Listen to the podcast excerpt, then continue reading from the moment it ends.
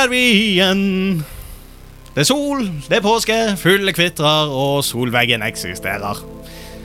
Vi er igjen samlet, og med vi denne gangen er, er vi i sprudlende Eivind. Hallais! Rolig og sindige Brage. Hei, hei. Og tålmodige Joakim. Hallo. Vi har igjen trukket oss inn i Eivinds lune krok av verden. Og vi er jo så godt vant her i podden, uh, så vi hever våre glass og Eller bokser, da. I dag er det tilbake til vanlige trakter, hvor vi skal innom wildcard med Eivind. Ja? Kan, hva kan det være i dag, mon tro? Vi tar for oss et hovedtema med en kronikk fra NRK til basis. Og Brage skal hisse seg opp og uh, Unnskyld. Brage skal hisse seg opp og si oss at sånn kan vi ikke ha det. Kan du ikke mene at det var rolig og sindig? Noen er ikke i nærheten av å ha bursdag. Stakkars deg, da. Noen har hatt bursdag siden sist. Hurra for seg! Og noen har bursdag om to dager. Hurra meg rundt! Velkommen til tacokrydder. Ja da! Yo! Jeg må ta meg en liten slurk. Ja, vi må gjøre det, alle sammen. Hei, skål. Nå er det langfredag på gutter. Ja, det er langfredag. Gutta Der. og Jesus og gutta i skole, Ja! I solveggen. ja. ja, det er sikkert. Innesperret på to kvadrat. Her er påskefjellet. Vi, vi, vi, bare, vi må bare ta det eh, mentalt. vi. Ja, ja, ja. Nei da, det er jo kjekt, da. Det er jo godt å være tilbake igjen. Det er jo det. Vi har hatt oss litt sånn påskefri fra hverandre. Det har blitt litt sånn nå er det annenhver uke, og da eh, Det blir litt mindre intenst. Ja, det gjør det. Det er litt deilig. òg. Men gud, hvor mye bedre å se trynet deres igjen. Altså. Savnet dere, jeg. Sånn på ordentlig. Skikkelig òg. Ja. Ja, men, ja, men altså, når vi har eh, annenhver uke, så blir det jo ekstra bra når vi ses. Med disse restriksjonene som finnes, så er det liksom Nå er vi samlet. Ah, dette er bra. Da, da er det ikke sånn Å ja, der, eh, det var den dagen igjen den uken. Nå, Hei sann, der er du. Yes, nå er vi her! Yeah! Det var da veldig negativt eh, på den ene siden. Da, men det var greit. Uh, det. Jeg har lyst til å ta opp du. eh, temaet, Eivind. Der er jeg. Vet du, skjønner at jeg er mest på lyd, jeg. Jeg skjønner dette, her, men jeg tar- setter pris på det. Ok, ordfører trenger program. Ja, vi på. manus? Ja, ja, ja. Nei, nei, nei, vi har ikke kjørt. Så vil jeg jo egentlig bare få rette opp i det som vi nettopp sa her. Det er jeg som har hatt bursdag. Det er Brage som har bursdag om to dager. Yes. Om det skulle være forvirring rundt det, for det er utrolig viktig for oss som fyller år, å anerkjenne og nå er det for seint å gå inn og, og gratulere meg med dagen, men nå kan alle som bare kaste seg på med en gang og bare henge der i to dager og gratulere deg med dagen. For det er litt gøy i sosiale medier, liksom, når du meldingene bare strømmer inn. Og jeg, har, jeg bare merker liksom På bursdagen min Så har jeg liksom en rekke med sånne her, uh, chats som kommer inn. Sånn her 'Gratulerer med dagen!' Og det er sånn du ser liksom 2021. 'Gratulerer med dagen!' Ingen meldinger. 2020. 'Gratulerer med dagen!' Ingen meldinger. Ja, det er de, det er de du ser. ja. Ja. Nei, men det, det, det er riktig, det. Ja. Så, så ja. eh, du, du, du sier det at det er du som har bursdag, og det er Brage som ikke hadde bursdag. Ja, det er helt rett. Det, det som blir nevnt på slutten av introen, har aldri vært noen korrelasjon mellom hvem som sier, og hvem det gjelder. Og Der fikk vi litt sånn in innsikt i hvordan eh, disse introene finner sted. Der er ingen korrelasjon. Nei det er bare svada. En ace up my sleeve der, altså. Svada alt sammen. Jeg syns det pleier å være mye svada, men ja. Um, skal vi, vi Jeg føler vi bare må uh, Hva har folk gjort de siste to ukene? Oh, jeg eh, har eh, gjort noe så gøy som å lese på grøfteteori. Wow. Hva til- er I forhold til jobben min. Det er i forhold til alle kabler som legges i bakken. Og da er det hva, hvor mye eh, grus og sand og jord og sånt som skal ligge i overdekning og under og ved siden av kabler. Alt som skal være med, da, Og der måles det med centimeter. Og det har jeg lest på de siste ukene. For på jobben så har jeg hatt en eh, sertifiseringsprøve for å gå over til noe annet. Wow. Det har jeg lest på, og det er så kjedelig. Ja, det vil jeg tro. Det vil jeg tro. Når jeg pleier å gå ut i skogen og gjøre fra meg, så pleier jeg som regel bare å legge kabelene. Ja ja, det, det er deg. Det, men det, dette er en vitenskap, Joakim. Det er det. dette- Ja, okay. ja, ja. det er jo godt å vite. Da kan du, du kanskje lære meg litt hvordan jeg skal gjøre fra meg i fremtiden. ja, nei, men det er bra. Uh, du da, Eivind? Um, Var, du- var du ferdig, forresten? Ja, jeg, ja. ja, takk for deg. Du, du, du, sikkert, du sikkert ikke Altså, jeg kan uh, sette i gang en to timers forelesning om grøfteteori. Jeg syns du må men, nevne at eh, du, du gjorde det fint i Rocket League her i går. Ja, det, det stemmer. Det, Det, jeg synes du må ta den. jeg uh, spilte en eh, god del timer, Jeg har brukt de siste dagene på å komme opp i, uh, i Rocket League på eh, et Takk for den. Takk Var for det, den. da var det litt prematurt, det, kanskje? jeg, jeg letet sånn etter knappen, så jeg, jeg visste hvor du skulle hen. Så jeg bare der, Å, har han sagt det? Har ikke han sagt det? Vær så god. Bare Det, det minnet om eh, Ja, du står på en scene, og så sier du noe bra, og så er det ingen som, reagerer, ingen som reagerer, og så er det én som bare Langt vekke. Ok, men bare begynn på nytt igjen. Ja, jeg, yes. jeg har Nei, jeg har spilt eh, Rocket League i det siste, og eh, sesongen nærmer seg eh, slutten.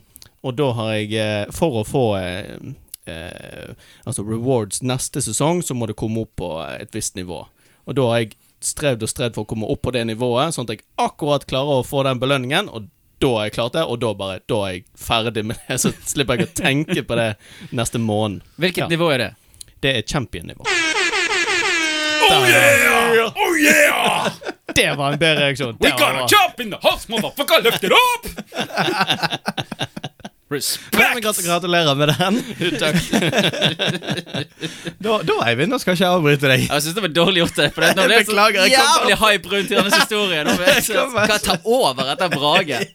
Ja, ja. Nå må vi ikke glemme at Brage brukte lang tid på å snakke om hvordan man stabler sand rundt kabler, sånn at vi har tatt det med oss inn i det jeg har klart å få til. De siste to ukene. Eh, Ja, nei, nå? ja, nei, nå har jeg godt, godt opp der. Jeg eh, var på tur i går. Gikk eh, meg en eh, liten stroll over en fjellvegg fra Åsane til Nei, fra Arna til Åsane, egentlig. Så det var en god eh, 18-19 km liten tur. Det var veldig kjekt. I dag sliter jeg med ryggproblemer, men har beiset terrassen. Det er riktig. Beiset terrassen! Der var du god. Drop it! har du altså beiset terrassen med en farge som heter rødhette. Kjent ifra barnefortellinger. Rett ifra barneboken, det, altså. Ja da. Du? Jo, jo, det må jeg nevne helt sånn på slutten, for det, det blir på en måte en slags anbefaling. Uh, min kjære fikk en presang av uh, Era Dera Tå. Et uh, fantastisk spill som heter It Takes Two, som er et kooperativt spill. Skapt for forhold. Det er, må, det er Josef Fares, Fuck the Oscars, som uh, har lagd dette her eh, genispillet. Og jeg kan ikke hedre det nok. Det er rett og slett bare så underholdende. Det er terapi på alle nivå, og uh, jeg har lært mye om meg sjøl. Jeg har lært litt om min kjære, som uh, da under spillet klokken halv to om natten sitter vi der og her og spiller det. Og hun skjønner, altså Spillet er ikke laget fordi at du skal irritere deg over at du ikke klarer å, å føre et kamera i et spill. Men hun fikk det ikke til, og hun skriker ut Og vi må huske vi bor i en kjellerleilighet med to over oss, og hun skriker Fucking controller! Jeg bare sånn Nå skrur vi av. Nå er det nok. Nå har vi spilt. Det var kjekt. Men da fikk dere litt terapi der også, da. Ja da, vi gjorde det. Vi fikk snakket om litt. Greit, greit å få litt aggresjon òg. Ja da, absolutt. Ja da. Nei da, men eh, jeg kan ikke gjøre noe annet enn å anbefale dette til alle parforhold eller eh, gode venner. Dette her er et veldig gjennomført spill. Jeg eh, skal ikke spolere noe, bare sier det. Det er et jævlig gjennomført spill. Venter i spenning. Ja. Yes, uh, for min del Ja, jeg har jo, har jo vært på jobb hele veien fram til påsken, jeg, og så Ja. Så jeg har egentlig ikke gjort noe annet enn å sitte inne og spille, og det Ja. Har vi, har vi spilt noe i det siste? Vi har vært litt inn i Northgard, litt tilbake igjen i Risk of Rain, og jeg for øvrig får til det jeg rantet som bare pesten om. Men da, da var du utrolig glad når det, Jeg var, det var utrolig glad. Det var en god dag. Altså. Alt sammen gikk jo på skinner. Fikk jo Ja. til både det ene og det andre. Det var helt sykt. Ja. Det var en glad mann. Det var en glad Joakim som satt der. Ja, påsken var akkurat begynt, og der kommer de på løpende bånd. Det var deilig. Det var deilig. Det, er digg. Ja. Da, eh, da var vi i godt humør. Det må sies. Ja, nei, ellers har vi vært ute og traska litt grann, sånn i, i, oppi, oppi bushen for meg sjøl. ja. Sånn enkelt og greit. Litt, grann, litt grann mosjon. Ble du litt zen? Fikk litt kontakt med ditt ja, indre? Ja, ja, det vil jeg si. Det var, var ganske greit, egentlig. Ja. Meditativt, de her uh, turene der. Ja, det er rart med det. Mm. Før vi går videre til noe annet, Mhm. jeg har bare lyst til å legge ut et åpent spørsmål som jeg har lurt litt på. Oi. At jeg har et problemstilling som har møtt meg her hjemme veldig mange ganger. Så jeg bare tenker at uh, Jeg kunne stilt dere et spørsmål før, jeg kunne stilt det etter, men jeg tenker at kanskje det er folkets uh, spørsmål som trenger svar. Si du tar på deg en skjorte én dag, og så går du og legger deg, tar av deg skjorten, og dagen etterpå Hvor hører den skjorten hjemme hvis du ikke skal ta den på deg? Oh. Hvor lever den henne da? Hvor i huset skal den være? Ok, altså den er brukt én En gang. kveld? Han er ikke Ja. skitten. Nei. Nei, så Mikropartikler og verden går under, og det som er sånn Vi vasker ikke ting bare for å vaske dem. Da må de være skitten først, tenker jeg. Ja. Sant? En rolig kveld med fint antrekk. Ja. Ja. Ja. Hvor lever den? Eh, har du planer om å bruke den i nær framtid? Nei, det vet jeg ikke. Nei. Kanskje, kanskje et sted mellom eh, to dager og to uker. Nei.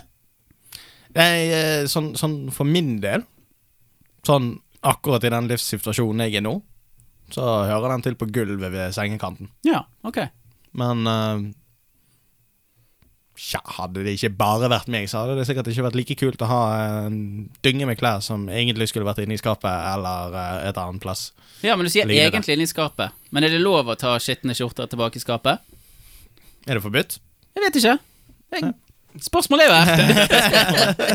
Jeg må si jeg, eh, jeg tror jeg hadde hengt den opp utenfor skapet. Eh, fått litt luft på den. Oi, eh, wow. så, men jeg, jeg hadde ikke vasket den. Det hadde jeg ikke. For Nei. det er ikke vits i. Det spør, altså, hvis jeg har svettet veldig mye, sånt, så må den vaskes. Eller hvis det kom noe søl, noe øl eller et eller annet sånt. Men Visst hvis ikke jeg har gjort det, så det er ingen vits å vaske den. Da hadde jeg kanskje luftet den litt, for Det gjør sikkert ingenting, men eh, bare for min egen samvittighet. For at jeg har, jeg har gjort noe, det som Men det mitt hode er riktig. Det var vel gjerne ikke så dumt akkurat det å bare henge den opp på skapet, heller enn å la den liggende på gulvet. Ja. Ja. Så Ja. den, den kan vi jo for så vidt eh, ta òg, men det er jo kanskje ikke alle som har den muligheten heller, sånn som meg. Nei, de, dine klær ligger jo på gulvet, så Ja, det gjør det jo, men jeg har ikke muligheten til å uh, henge noe opp på skapet sånn heller. Da må jeg henge det inn i skapet. Ja men, du kan, ja, men du kan henge det andre steder. I stuen, et eller annet sted. Bare, altså, bare for et par timer. Bare sånn at du Altså, dette gjør ingenting med tøyet, dette er bare for din egen samvittighet. Eller i hvert fall det er det, derfor jeg gjør det. Gardinstangen. Jeg har, faktisk, jeg har faktisk ikke så mange muligheter for å henge noen på en kleshenger. Du har, du? har jo gardinstang, har ikke du? I dusjen? Nei, en gardinstang på, foran vinduet er ofte der man har de. Jeg mener jeg har sett at du har gardiner hos deg, har ikke du? Lameller. Ah, fucking hell. det, ja. Hva med på et eh, klesstativ? Og så bare Skal du sette opp et helt klesstativ for å henge en Eller du kan vaske andre klær som sannsynligvis må vaskes. Eh, Mest sannsynlig de som allerede ligger på gulvet og ligget der kanskje en liten stund. Og så legger du den på en måte på siden, sånn at den, den henger på en måte sammen. Og så når alt er tørt og ferdig, så legger du alt inn i skapet med skjorten. Ja. Fiks ferdig. Done. Jeg er ikke så mye videre. Men skal vi gå videre? Jeg har faktisk Ja. ett poeng til. Ja, ja, ja. Um, dette er jo eh, episode 13. Og eh, det er jo fredag i dag. Wow. Dun, dun, dun. Shit, ass. Shit, Det ass. må du huske litt på. Ja. Nå kan, hvis jeg noen gang skulle gått skikkelig til helvete, så er det i dag. Og så er det påske. Så påskekrim. Oi, oi, oi, oi, oi. Hvem dør i løpet av denne episoden? Nei, Oi. Nei, det, ok. Nå ble det, det ble veldig mørkt her. Nei, greit. Vi går videre. Vi går videre. Vi går videre. Spørsmål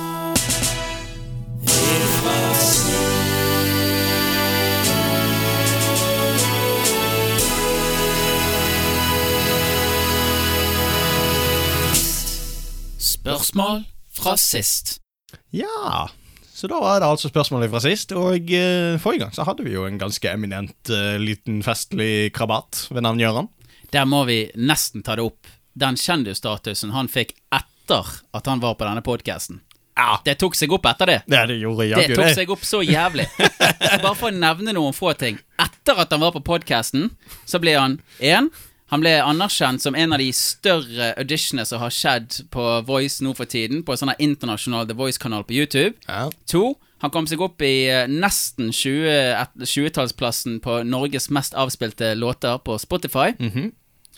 Tre, han ble nummer én blant de mest trendende videoene på YouTube Norge. Ja. Alt etter podcast-intervjuet. ja. Det, Der er vi gode. der ga vi han en god nudge.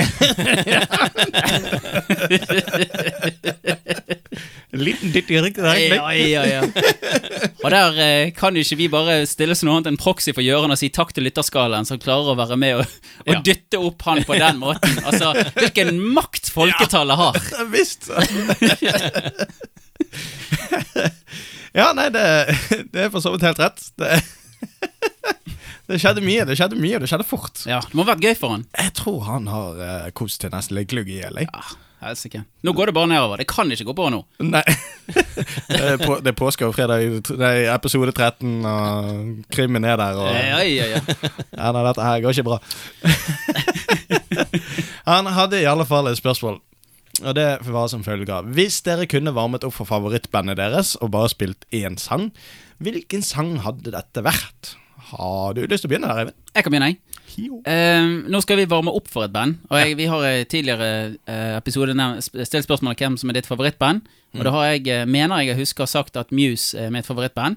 Så da skal jeg varme opp for Muse, og da må jeg få opp stemningen i rommet. Og da tenker jeg at ingenting får opp stemningen i rommet som å bare dra i gang Simon Garfunkel sin bokser. Og så, når allsangen begynner Lai, lai, lai, Ok. lai, lai, lai, lai, lai. Helsike, nå hørtes jeg gammel ut. Nei, nei, nei, ikke jeg Det var det som skjedde! Hadde du spurt meg forrige uke før jeg fylte bursdag, så hadde jeg sikkert vært på et eller annet Skrillex eller noe sånt. Men nå, sånn der, nå merket jeg nå var jeg rett ute på campingplassen med alle sammen. Jeg hadde klappen var inne, og jeg kjente jeg var glad når jeg klappet. Lai, lai, lai, lai, lai, lai, lai. Rai, ra, rai. Men ja, ja, ingen vei tilbake nå. Nå er det sagt. Der kom fredagen den 13. inn. En mørk innrømmelse jeg ikke var klar over sjøl. Ja ja, det gjorde jeg. Ja, fin, da. Ok. ja. Jeg eh, tror um, at jeg hadde Jeg hadde gjort noe så enkelt og lettsindig som uh, Jeg tror jeg hadde spilt um, en bit fra et eh, Fra det bandet som skulle på en måte ha konserten. Så jeg hadde åpnet med det. spille, da?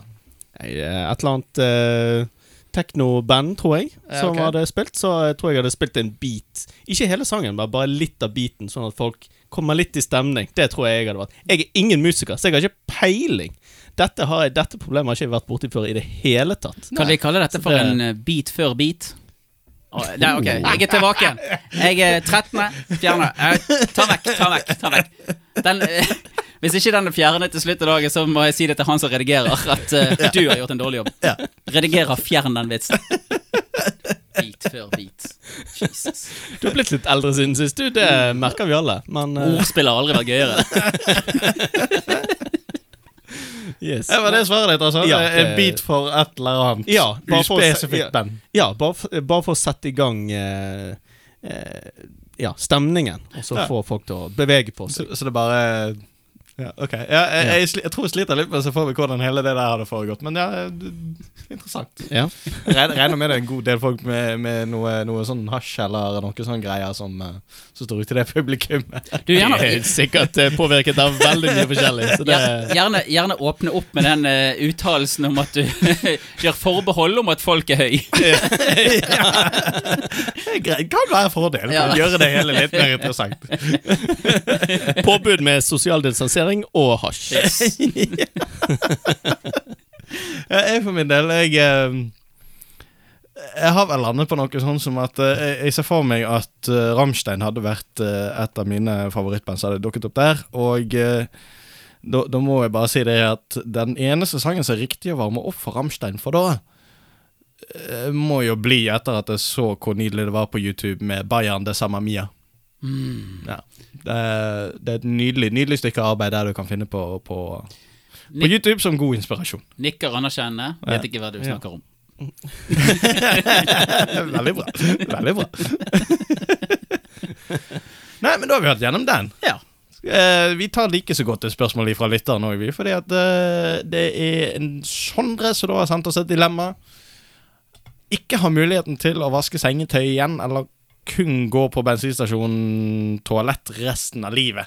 Altså, var vi halvveis inne på hele denne, eh, denne skjortediskusjonen min? Ja. Ja, vi var Ja. i nærheten. Kanskje du kunne hengt opp skjorten på et toalett eh, på en bensinstasjon? Kanskje det. Og så fått den litt luft, og så Ja. kunne du henge den inn igjen. I, Ikke det beste stedet å lufte den, tror jeg. nei, det, Nei. det er ikke så veldig mye rent og frisk luft, kanskje. Men uh... Ja. Send ballen. Vil du begynne, Joakim? Jeg, jeg, jeg, jeg vet ikke hvordan jeg skal svare på dette spørsmålet engang. Så jeg, liksom, jeg, ble, jeg ble så låst i den posisjonen at jeg helt glemte å kanskje tenke at noen andre hadde lyst til å svare i mellomtiden. Det som jeg har lyst til å si, da Altså i forhold til Sondres Sondre sitt dilemma her Det er jo eh, sånn som Radioresepsjonen definerer dilemma, som sannsynligvis er definert andre steder enn hos de først, men de har sikkert vært i en eller annen bok som eh, liksom forklarer hva ord betyr. Type ordbok. Um, det er jo eh, ehm, valget mellom to onder eller valget mellom to goder. Ja. Og her har jo han valgt valget mellom to vidt forskjellige ting. Ja. Ja, de er, virke, altså, de er jo så utrolig forskjellige. Men de er jo fremdeles to vonder, så på et sett Ja. og vis så fungerer det som et dilemma. Men det er jo Altså, Sondre, du har utrolig god fantasi for å klare Det var liksom sånn at du hadde lyst til å stille to dilemmaer, men klarte å komprimere de to inn i ett. ja. Ja. Nei? Eh, Ja, nei eh, Er det noen som sitter med noe, noe de kan mene et svar her? Jeg kan kanskje komme med noe. Oi. Eh, jeg kjører På jobben så kjører jeg veldig mye rundt. Og da er jeg innom en del bensinstasjoner. Mhm. Og det må sies at eh, de bensinstasjonene, i hvert fall som jeg har vært inne i, det, der er det Altså, toalettet vaskes eh, tre-fire-fem ganger for dagen. Så det vaskes ganske ofte. Wow.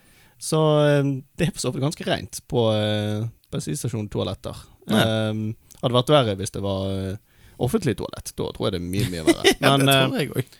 men eh, jeg tror jeg hadde gått på bensinstasjontoalett resten av livet. Det hadde vært litt kjipt når jeg hadde vært hjemme før jeg skulle legge meg og sånt. Det hadde vært Ja. litt kjedelig. Men Ja. Men ikke vaske sengetøyet, det er liksom aldri igjen. Ja, nei, Da må jeg tatt veldig mange sengetøy, og så bare skiftet hele tiden. Og så kjøpte inn Jeg- jeg- hver uke. Ja, jeg ser for meg det blir litt sånn, sånn som du våkner opp i, uh, i Portal 2.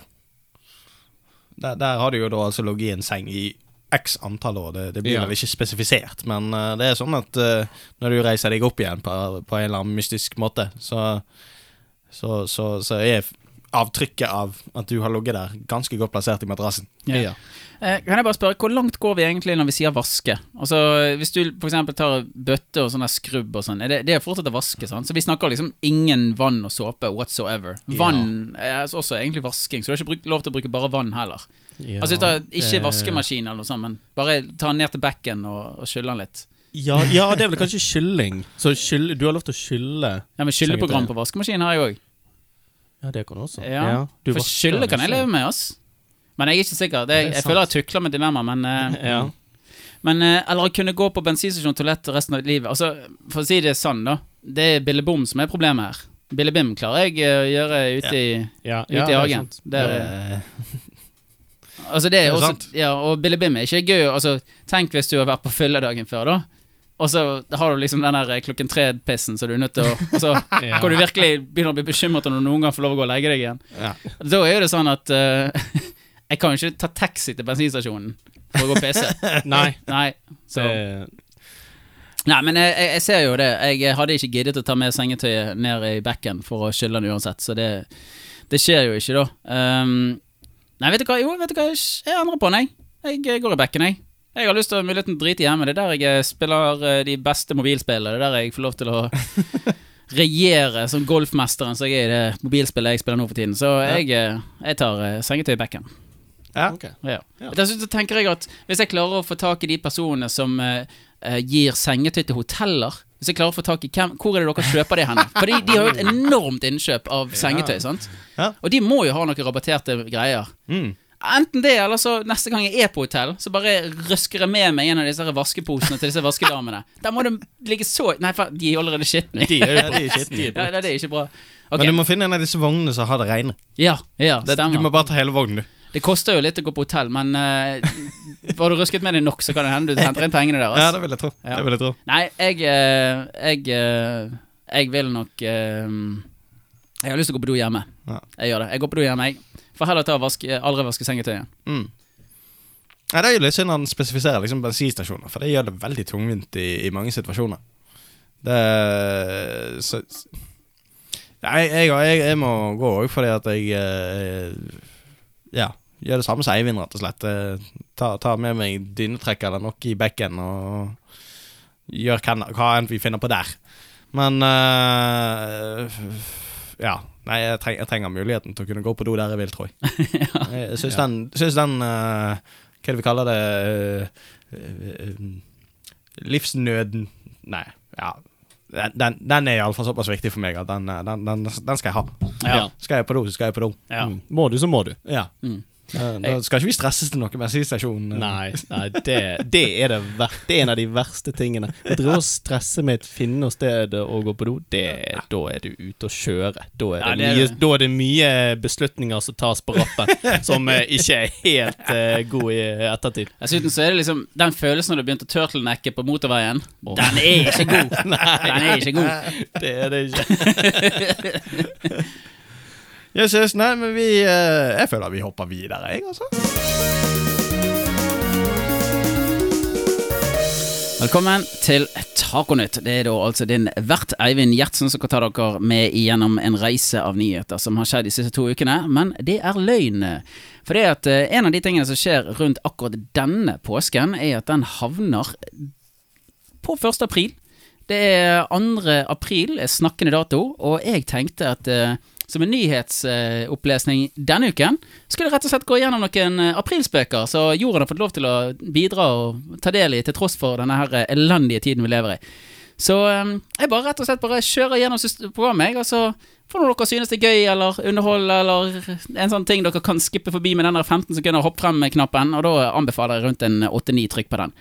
Um, Sinjin Eh, sorry, jeg måtte bare svelle litt der. Eh, Syngin er et selskap som spesialiserer seg på automatiserte kjøretøy.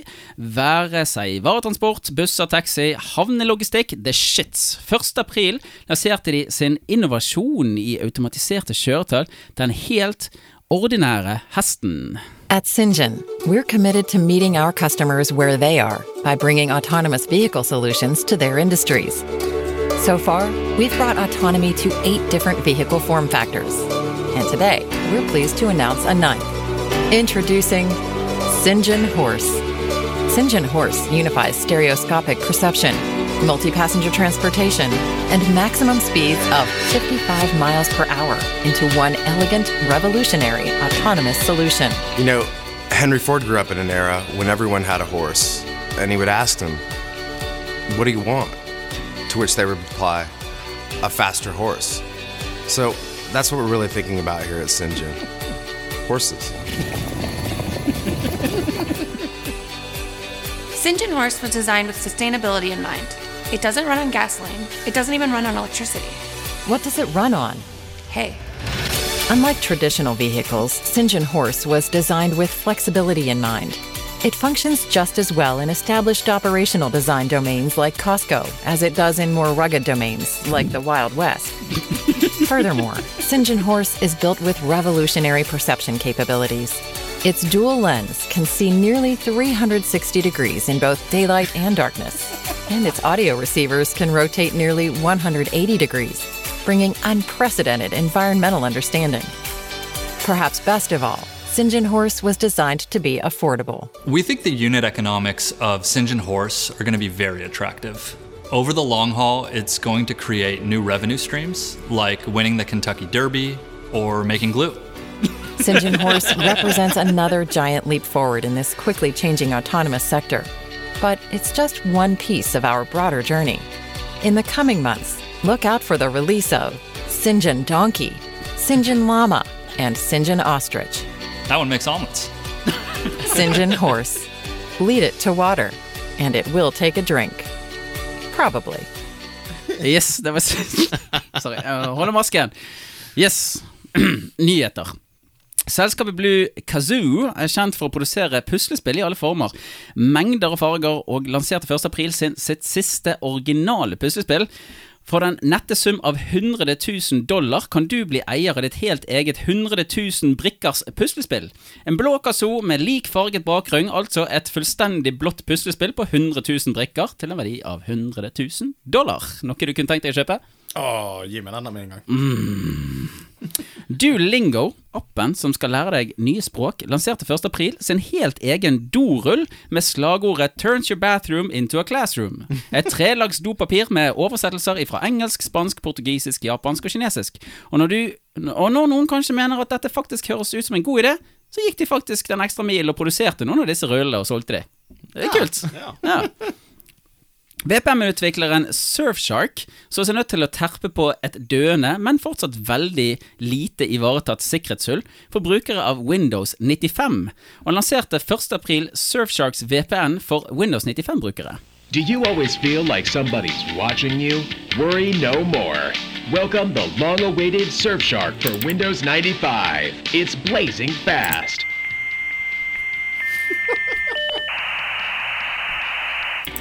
wow. Wow. And did you miss Clippy? Surfshark only takes five floppy disks to install. Share it with your friends. If you need any help, simply dial our customer support. Order now and get a free mouse cleaning tool. Surfshark, protecting your digital life since 1995. Det kan godt være det er ikke så mange som bruker Windows 95 lenger. Men sånn eh, mus som du trenger å rense, det tipper jeg det faktisk eh, mange som har der ute. Ja, det kan hende. Yes. Um, samtidig som arbeidet med rusreformen har gått for fullt i Stortinget, har Farmsøyt og helsepolitisk talsmann for Høyre, Sveinung Stensland, jobbet frem et forslag om en legalisering av cannabis. Forslaget ble fremmet og hastevedtatt av Stortinget onsdag 31. mars. Dette var en artikkel som ble sluppet på framtida.no 1. april. Og så tar vi bare noen kjappe her på slutten. Eh, rask opplesning her, altså. Strøms... eh, Strømstad Tidning melder om at kommunene vaksinerer nordmenn med AstraZeneca-vaksinen som bor på grensen. Værmeldingen Yr pluss er, eh, værmeldingstjenesten Yr pluss er en betalingstjeneste som lar sine abonnenter bestemme været der de bor. Handicapnytt.no melder om alkohollås på rullestoler. Sats melder om gruppetimer i individuell, individuelle plastballer. Vårtoslo.no melder om et vitenskapelig funn hvor de ser sammenhengen mellom elbileiere og svekket potens. Når vi er på elbil, elbilprodusenten Polestar introduserer rumpegjenkjenning i setet for å starte bilen nøkkelfritt. Det var det vi hadde for eh, nyheter denne uken. Jeg har da altså vært din vert, Eivind, og så håper jeg at vi kan ses igjen om ikke mindre enn eh, to uker, sånn cirka.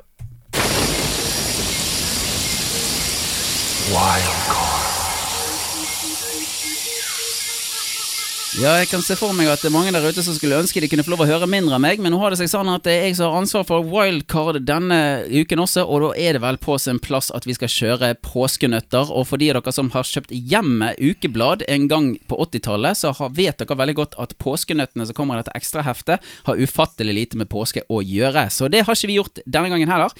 Jeg har nå tenkt å dele ut til eh, mine to kompanjonger og eh, deltakere i konkurransen hver sin lille duppedings som lager en lyd når de har lyst til å svare. Det ene er en sånn tingelingsak. Hva heter dette? En Triangel. triangel. Den høres sånn ut. Og det andre, det er en treshaker som høres sånn ut. Da tenker jeg du, Brage, kan få shakeren. Maracas. Og eh, maracas, og eh, du skal få triangel da, Joakim. Altså, Brage har shaker, og eh, Joakim har triangel. Ja. Få høre lyden. Sånn. Det er bare for å være helt 100% sikker at folk kan identifisere seg med lyden. Det vi kommer til å gjøre her, det er at vi skal gå igjennom en rekke spørsmål. Og eh, dere er nødt til å Dere har sikkert klart å gjette det allerede. Lage den lyden som representerer dere, og den personen som lager lyden først, skal få lov til å svare først. Okay. Da går vi gjennom, altså. Første runden her, da handler det om filmer. Dette er type quiz. Det er altså påskequiz. Påskenøtter. Jeg, jeg, jeg, Påskespørsmål. jeg er bare klar til å slå, jeg. Ja, ja. Uh, under filmspørsmålet så kommer jeg til å lese et selvlaget rim, og vi skal frem til en film, og den første av dere som klarer å finne ut hvilken film det er, uh, får et poeng. Det er sånn det pleier å funke. Så, er dere klar? Kjør på. Vi kjører i gang. Bussen er så veldig sen, mens livet flyr som hvite fjær. Ut i krigen raske ben, pingpongmesteren er her. Der hadde vi en Joakim. Er vi, er vi på Forest Camp? Det er vi! Ja, veldig bra. Vi går på film nummer to. Hesten løper, jorden raser. Er det ekte eller ei? Gutten leser, gutten maser. Drager møtes på hans vei. Stillheten er til å kjenne på. Joakim gjør seg klar. Vil dere høre? Trenger dere den en gang til? Ja, gjerne en gang. Hesten løper, jorden raser, er det ekte eller ei? Gutten leser, gutten maser, drager møtes på Ja, Never ending story. Ok. Den neste den er sånn at um, hvis dere ikke klarer den første, så har jeg en sånn redningsrim på slutten. Jeg ser ting ingen andre ser. Snakker med de ingen snakker med. Puster røyk uten sigar. Har en gave jeg ikke vil ha. Jeg tror vi har den en gang til. Jeg ser ting ingen andre ser. Snakker med de ingen snakker med. Puster røyk uten sigar. Har, ga har en gave jeg ikke vil ha. Ja! Sjette sansen. Det var den jeg skulle si! okay. Bare for å ta en redningsrim, så har vi fått det med oss her. Eh, har begynt å gå i terapi, men hjelper, hjelpen er litt rar fordi at han som hjelper, skulle visst at hans problem er problemet mitt. Ja da. Gode rim, dette her. Tusen hjertelig. Tusen Jeg er imponert. Ja, nei, jeg skulle hatt en industri innenfor det òg. Så går vi gjennom eh, det som heter eh, originallåter brukt i spill. Så nå kommer jeg til å spille noen låter som originallåter. Altså ikke soundtracket fra spillet nødvendigvis, men originallåter brukt i spillet. Og så er det førstemann til å finne ut hvilket spill er det fra. Og jeg tror dere skal kunne klare noen av disse, i hvert fall. Er dere klar? Ja. Vi begynner.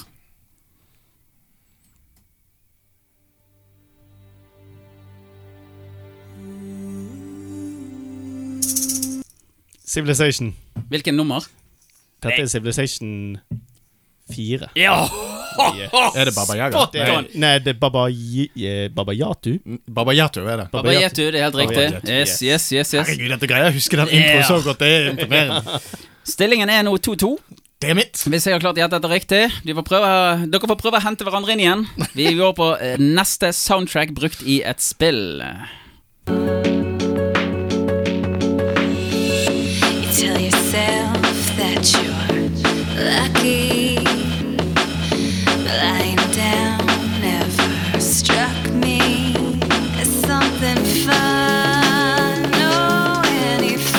Er det så klart en mulighet for at ingen har hørt om spillet før.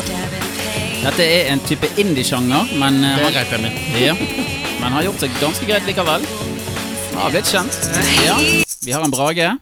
Er det Life is Strange? Det er ikke Life is Strange. Ja. Hades. Nei, det er ikke det. Da tror vi bare går videre og sier at det er fortsatt 2-2. Dette var fra spillet Transistor. Fantastisk soundtrack i det spillet, altså. Verdt å legge Ja, merke til. den, den har ikke jeg hørt så godt etterpå, tror jeg. Nei, det, da har du vært for dypt inn i spillet. Men i hvert fall, eh, vi går videre til neste kategori, som er fullfør teksten fra filmen. Og det som skjer nå, er at dere får høre et lite klipp av en film, og så kommer jeg til å stoppe på et tidspunkt, og hvor dere skal prøve å fullføre teksten. Det var vel egentlig ganske Turkish. Some say his father was German. Nobody ever believed he was real. Beklager, jeg har lyst til å begynne på nytt igjen og si at uh, her kan du samle to poeng. Hvis du klarer både å fullføre teksten og filmen, så får du to poeng. Klarer du én av dem, så får du ett poeng. Okay. Vi begynner på nytt igjen. He's supposed to be Turkish. Some say his father was German. Nobody ever believed he was real. Nobody ever knew him or saw anybody that ever worked directly for him. But to hear Kobayashi tell it anybody could have worked for Soze, you never knew. That was his power. The greatest trick the devil ever pulled Oi. Dette er en av de Ja, der har vi Brage. Han sier the greatest trick the devil pulled was to uh, make people believe he wasn't real. Noe Jeg gir, jeg gir deg et poeng på den. Ja, du er såpass nærmt. Det er 'Convincing people he didn't exist', men jeg gir deg eh, et poeng på den. Er noen av dere som klarer filmen? Er det djevels advokat? Nei Typisk å svare det. Ja. Typisk å svare det, men det er nok feil. Har du en, Jeg, jeg har ingen peiling. s- Navnet Sosei var nevnt inn i teksten her. Det hjelper kanskje ingen. Nei. Jeg hørte Kobayashi. Kobayashi, my lord. Kobayashi.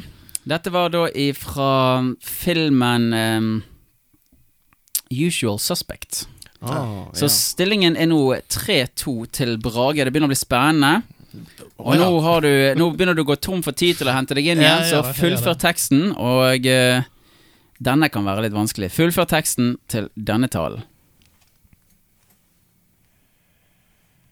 I don't know who you are. I don't know what you want. If you are looking for ransom, I can tell you I don't have money. But what I do have, Der er Brage tidlig ute.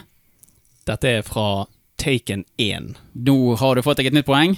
Og det er eh, ah, Hva var det siste han sa? Eh, but, yeah, but what I do have is a certain set of skills. Du kan få rett på den. A particular set of skills. Men Particular men set of skills, det er veldig riktig. Det betyr at du er oppe i uh, en to-ledelse. Yeah. Ja. Og eh, Nei, du å smått ut. tre-ledelse. Som gjør Ja, jeg fikk to poeng. Yes. Mm. Yes. Men eh, her, vet du, kommer finalespørsmålet. Som er verdt tre poeng. Og det som gjør det verdt tre poeng, det er ett poeng for hvert riktig navn. Og Dette er et Ja, enkelt spørsmål med det man kan kalle for et vanskelig svar. Et svar man har hørt mange ganger, men som er veldig vanskelig å huske. Jeg kan si han har tre navn. Mhm. Hva er det fulle navnet til gladiatoren? Joakim. Jeg må, jeg må, jeg må lande, lande ordene litt. Grann. Kanskje ikke jukse på lenge. Nei, Maximus Decimus Aureolis. Oh, det er to poeng der! Den siste Aureolis stemmer nok ikke. Nei. Men Maximus Decimus er helt riktig. Og da ligger du ett poeng bak. Ah, det, det, Det er så vanskelig å se på dette!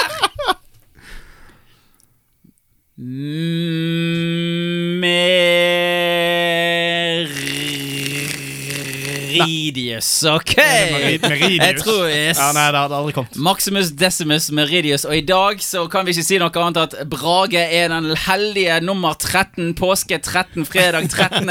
Påskevinner Mysteriemann! All right! Ja, da har vi vel gjort det som skulle gjøres i den del. Vi går videre. Nei, det er jo et forferdelig godt spørsmål. Jeg kan umulig stemme. Jeg aldri tenkt på før. Det er Ikke sånn. Helt urimelig. Dette. Dette er urettferdig. Vi må jo bare spørre. Dagens tema. Ja, da er vi atter en gang tilbake igjen til dagens tema, og i dag så skal vi uh, i alle fall, om ingenting annet, hente mye inspirasjon ifra en kronikk som vi alle har lest ifra NRK, som heter 'Fripass for udugelige menn'. Ubrukelige menn. Ubrukelige menn. Ja, men det Der var vi gode. Ja, ja, men synonymt er det nå. Det var ikke nødvendig at jeg skulle rette på det heller. Nei da. Det viser det, er greit, det, er greit, det, er greit, det er greit, det er greit å få, Mm. få liksom det, klarert, tenker jeg. Ja, ja. Um, For de skal google på det. Ja, det er akkurat det. sant Det er greit å kunne, kunne hente det frem. Uh, det som har vært litt interessant med denne for min del, er jo det at det finnes uh, intet mindre enn to kronikksvar Ja. til denne her. Det er ikke så ofte Det, det hender jeg ser én, men det, det stopper liksom der. Det er sjelden det kommer noe mer. Men her er det altså kommet to tilsvar til eh, denne opprinnelige kronikken. Klarer vi eh, kort å summere opp hva denne kronikken dreier seg om? Og skal vi gå litt i detalj etterpå, kanskje? Ja, det kan vi alltids ta og gjøre. Eh, ja Er det noen som har på en måte en god, god? Jeg vil, skal vi bare ta den vi tok? Vi har, eh, vi har noen poenger nedover her, da, Ja. men eh, det er i hvert fall eh, eh, jenters eh, ønsker til menns roller og forventninger til hvordan menn skal være i dagens samfunn, og hva forventninger de kan ha, og hva de mener at de bør ikke gi for mye tilbakemeldinger på. Altså være seg forskjellige ting som menn gjør, kjøpe blomster, det som måtte være. Mm. At ting som mange mener, eller noen mener, er akseptert at sånn skal det være. Du skal ikke drive og belønne menn for enhver eneste ting de gjør, for at enkelte ting skal man kunne forvente ut av dem. Ja. Det er vel det kronikken i det aller høyeste I, grad I dreier stort seg så om. kan vi vel kanskje si at det har med at kronikkforfatteren mener at forventningene til menn er for lave, at det burde vært et høyere stykke selvfølgelighet i mye av det hun tar opp, da, som har med, med, med hva menn gjør eh, i spesielt Ja. par-settinger. Ja. Og det, og, og det er jo en av de poengene som vi har eh, Vi har jo lagd noen stikkord her. Men jeg syns det første spørsmålet som hun stiller her i kronikken, som eh, vi gjorde et lite notat er eh, hvorfor, hvorfor imponeres vi kvinner over ting som bør være et absolutt minimum? Ja. Der er jo på en måte Da er jo diskusjonen i gang. Den er jo for så vidt det, og det er Jeg vil si det, det, det er nok et stort og vanskelig svar på det hele. Uh, la oss nå det, det er et stort dekkende spørsmål. Men hva, Um, men hva er de tingene som hun, som eh, trekker frem som bør være et absolutt minimum, da? Så folk eh, liksom hyller menn for 'Å, han gjør det, og han gjør det', og så Mm. Ja, nei, det er jo akkurat det. sant? Hun trekker jo frem noe, men det finnes jo sikkert andre ting hun òg mener, og, og så videre. Eh, men noe av det som blir nevnt, var uh, pappaer som pappa, passer unger, eh, at eh, hjemmet ikke ser ut som en svinesti, eh, at de kjøper inn blomster, at eh, Ja. Nå kom kommer jeg egentlig ikke på sånn kjempemye mer, men Nei, men eh, det som skjer her, da, det er jo det at eh, Det som hun gjerne nevner i sin det er det at sånn som du sier, pappa passer barn. Så det som er problemstillingen her, det er det at uh, en forelder, altså en far, Mhm. har uh, sittet hjemme en dag, og så har han passet ungen. Ja. Og så kommer da moren, altså partneren hans, hjem, og så skriver hun, legger hun ut et utlegg på Facebook eksempel, og så sier hun eh, 'Jeg har en så fin mann som uh, kan passe vårt barn' mm. som uh, på mange måter kan anses som en ting menn på en måte burde gjøre. Ja. Burde være en forventning. Og at menn, her kommer det store menn og sikkert det store motsagnet til dette, som ikke burde hylles. Så man skal ikke gi en anmerkning eller en anerkjennelse for at en mann har sagt seg villig til å sitte hjemme og passe barnet, f.eks.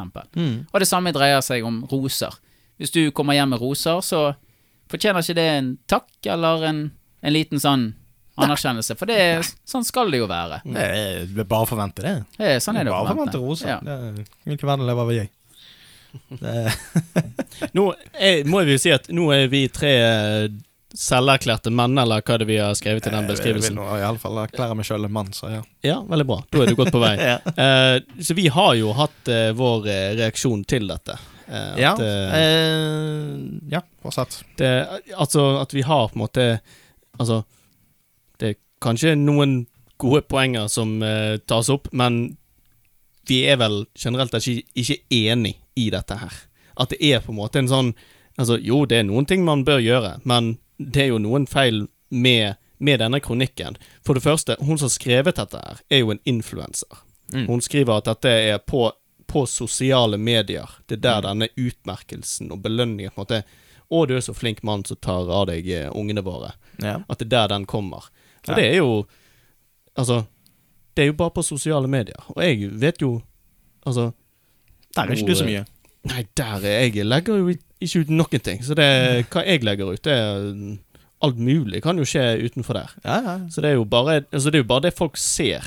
Så jeg tror, jeg tror det er en liten sånn misforståelse der, med at altså det hun tror Eller det hun ser på sosiale medier, at det er sånn At det er det folk tenker hele tiden. For det er jo ikke riktig. Nei. Nei. Det er jo ikke riktig i det hele tatt. At man måtte Ja, nå skryter jeg av mannen min. Men det er jo bare det du legger ut akkurat der. Mm. Det Så det Men- er jo ikke Så er det jo litt inne på det, og det er jo akkurat det at Ja, hun sitter vel som influenser kanskje litt mer enn de fleste på sosiale medier. Ja. Og så i tillegg sitter sosiale medier og tenker deg at her er du en kvinne i eh, den og den alderen. eh, du skal vel ha noen barn etter hvert, eksempel. Sånn at, at hun får litt sånn skreddersydde eh, greier til til ja. henne. Sånn at det dukker kanskje opp sånn 10-15 sånn her Ja, mannen min er så flink til å sitte hjemme. Altså- Eh, sånne ting. Altså, det, sånne ting påvirker det jo. Så syns jeg det er litt sånn halvfrekt å komme litt sånn på siden og stigmatisere og sette veiledninger på hva du kan lese i fra sosiale medier. For hun har jo ingen innsikt, innsikt ifra hva som kommer fra andre kilder. Altså hva med hva som skjer i hjemmet? Altså Det er jo ikke sikkert det er noe anerkjennelse, men jeg mener jo altså Jeg vil jo faktisk sterkt stå på mitt og si det at hvis en mann eller en kvinne velger å være barnepasser fordi en mann eller kvinner skal ut med jentene eller guttene, så eh, fortjener det en anerkjennelse i huset. Det vil jeg også si. Men du trenger ikke å legge det ut på sosiale medier, og du trenger ikke si at et, et, et forhold baserer seg på det som kommer på veggen til noen. Nei. Eh, det som jeg bare får eh, Nå kan jo dere gjerne kanskje få gjort det etterpå, men bare, sånn Hvilke følelser satt vi igjen med sånn, sånn ut, innledningsvis fra denne, denne kronikken? Og jeg husker det at jeg, jeg satt igjen egentlig liksom med at jeg kunne liksom ikke svare på en måte, skal vi si, ja på, på mye av de spørsmålene, eller tingene hun stilte spørsmål ved. For det er liksom Ja, nei, akkurat nå, i min livssituasjon, så Ja, nei, jeg er kanskje ikke den med den beste kjøkkendisken hjemme, sånn hvis du bare kommer uanmeldt, så er det kanskje ikke det fineste. Mm. Så liksom Men jeg vil jo håpe og tro Nå er det mange år siden, men jeg vil håpe og tro at hvis jeg bor i lag med noen, så er jeg litt mer ryddig av meg òg. Men det er likevel det at her er det mange sånne ting som jeg liksom følte det at Ja, nei, kan, kan godt hende det. Uten at jeg egentlig Skal du si verken Jeg følte en viss Selvfølgelig, selvfølgelig skal vi si et lite type sånn angrep på meg som mann. Ja. Men jeg tror det ligger i at Jeg greide liksom ikke å plukke ut hvorfor jeg syntes dette her var kjipt. Det var liksom bare en masse sånn Ja, ting som ble nevnt som, som Ja, at man, man passer på barna hjemme. Jeg måtte jo virkelig gå inn i teksten og liksom Hvorfor er dette her eh, en sånn uting å si? Fordi at det var jo eh, vi skal jo ikke akkurat si at det er en uting, jeg tror han har mange gode poeng, og det er sikkert ting der som, som kan forbedres. Jeg, jeg lurer egentlig på om, han, om hun hadde brukt litt andre ord eller formuleringer, uh, og fått fram en litt annen mening, så tror jeg kanskje hun ville nådd uh, litt mer det hun ønsket å fremme. Men sånn som det kom fram nå, så vil jeg jo nesten si at det virket jo nesten en type uh, anti, anti-menn. Ja, det gjorde litt grann det. Og så er det Det er jo ingen som Altså, vi blir jo ikke applaudert, sant? Men det, er, altså det jeg satt igjen med litt grann etter den teksten, og det er jo det at og Dette er et veldig vanskelig tema å snakke om, rett og slett fordi at vi lever i en litt sårbar tid. Akkurat nå man skal være litt forsiktig med hva man sier, og hvordan man er og sånn. Absolutt. Og eh, selvfølgelig så er det eh, det er mye mot menn for tiden, og det har menn vel fortjent, mener jeg òg. Det kan ikke hver enkelt individuelle mann si at han står eh, seg sjøl ansvarlig for, men eh, han står ansvarlig for å fikse opp i det, i hvert fall. Mm. Men menn får veldig mye trukket ned over seg for tiden, og holder fast i de minste små tingene akkurat nå, er sånn jeg føler det. Det er i hvert fall sånn mitt liv er akkurat nå, at jeg merker liksom det at nå, nå prøver jeg å å endre livet mitt litt grann, og vise respekt eh, til kvinner generelt. Altså Ikke det at jeg ikke har gjort det før, selvfølgelig, men, men nå liksom prøver jeg liksom å være litt mer sånn mottakelig for eh, skille, lønning, være seg, eller Mm. hva nå enn.